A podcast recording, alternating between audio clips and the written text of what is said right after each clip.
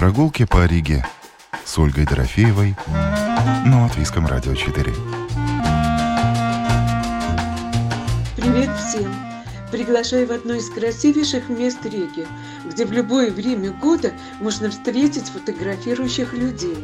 Весной, когда все деревья стоят еще без листвы, прекрасными белыми цветами выстреливает здесь магнолия, редкое для наших мест дерево. Зрелище это всегда неожиданное, красивое и радостное. Вблизи магнолии, любимый горожанами и гостями города, фонтан «Нимфа». На фоне фонтана и оперного театра всегда фотографируются. Это одно из знаковых мест латвийской столицы.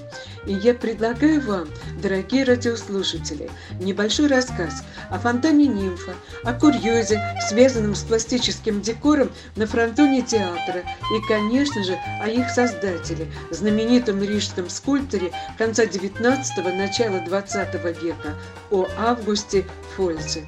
И, может быть, вы захотите потом пройтись самостоятельно, остановиться в этом примечательном для Риги месте и поразмышлять о превратностях судьбы.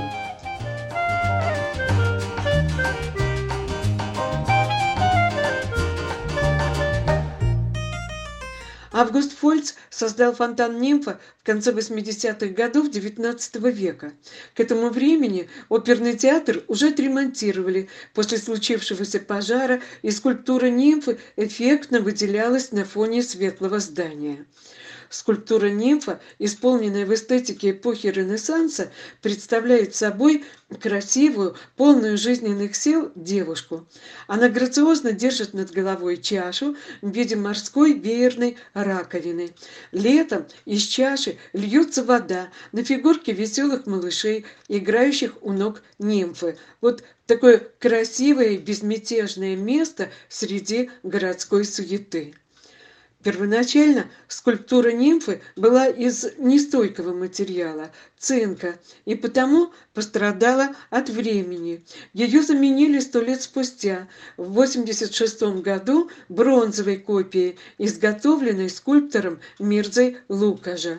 А фрагменты нимфы, созданные Фольцем, хранятся в запасниках Рундельского дворца.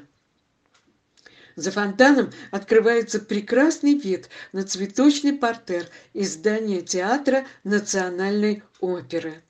Театральное здание построили по проекту немецкого архитектора Людвига Бонштета на месте бывшего блинного бастиона в 1863 году. И на самом верху постройки размещены аллегорические фигуры, между ними лира, а над лирой пятиконечная звезда. Скульптурная композиция тоже была создана Августом Фольцем.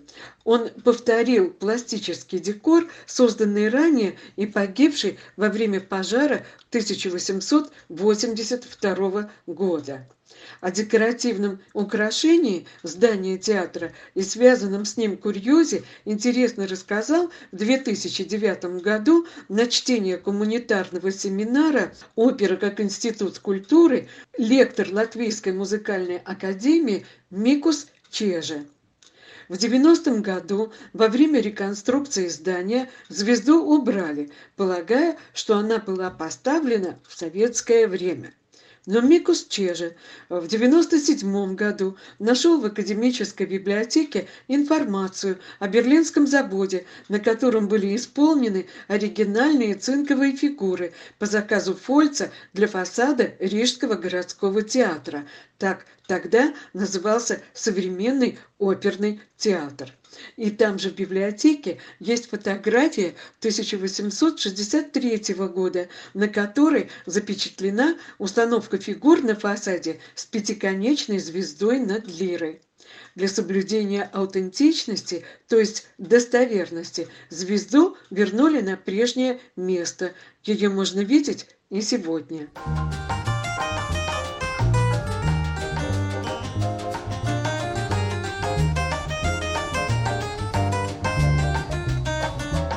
Знаменитый рижский скульптор Август Фольц, если бы не причудливые повороты судьбы, стал бы, как и его отец, сапожником в Магдебурге. Но так встали звезды, что талантливый и трудолюбивый юноша смог осуществить свое желание заниматься ваянием. Он учился этому искусству в Берлине. В 25 лет волею случая получил заказ на работу в Риге и остался здесь до конца своих дней. Привез из Берлина в Ригу невесту Марию Турм, сестру его помощника по берлинской мастерской. Она стала его женой, а через год у них появилась первая дочь, а потом еще шестеро детей. В 1909 году Мария в 33 года умерла. Их младшему сыну было тогда 12 лет. Через два года овдовевший мастер женится вновь. Его избранница Ольга Юлия Луиза Калнинг, дочь статского советника, ветеринарного инспектора Балтийских провинций. После свадьбы семья Фольца переехала на улицу Плеттенберга, 9. Это нынешняя улица Гауяс. А до этого скульптор жил на Николаевской, 31, нынешняя Кришьяна Вальдемара.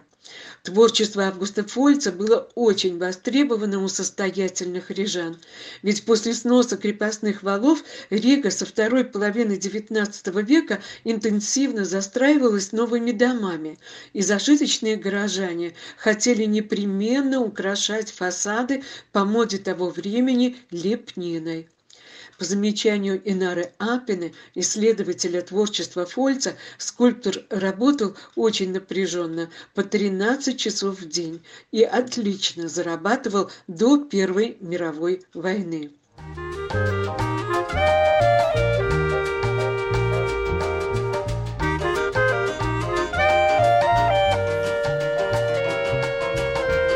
1914 году из-за военных действий Россия переселила граждан вражеских стран вглубь страны.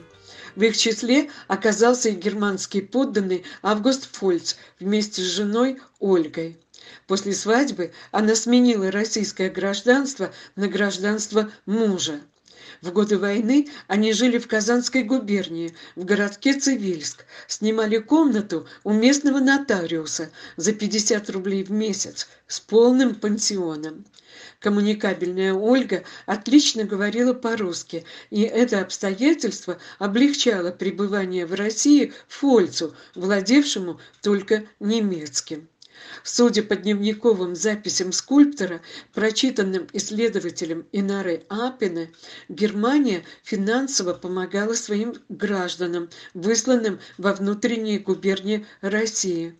И их пребывание в глубинке российской благодаря этой помощи было вполне сносным. Фольцы вернулись в Ригу в 1918 году в свой дом на улице Гауяс, 9. Они застали в нем полный порядок.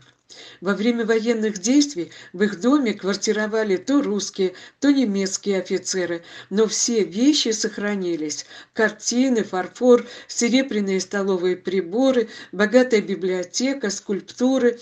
Пропала лишь коллекция охотничьего оружия.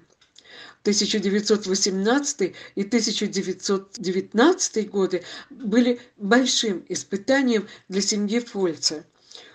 У Августа Фольца в 1919 году случился инсульт. Было ему 68 лет, и он не мог больше руководить работами. Все тяготы по управлению мастерской и домом взяла на себя его жена. После войны и революции жители Риги сильно обеднели. Резко изменились вкусы состоятельных людей. Украшение фасадов лепнины осталось в прошлом. Мастерская Фольца переключилась на изготовление надгробных памятников. Старый скульптор уже ничего не создавал сам. В 1926 году он ушел в мир иной но на очень многих фасадах рижских зданий живут созданные им образы, светлые, наполненные чувством любви к окружающему миру. При взгляде на них хочется жить, любить и радоваться жизни, невзирая на все испытания, что выпадают нам.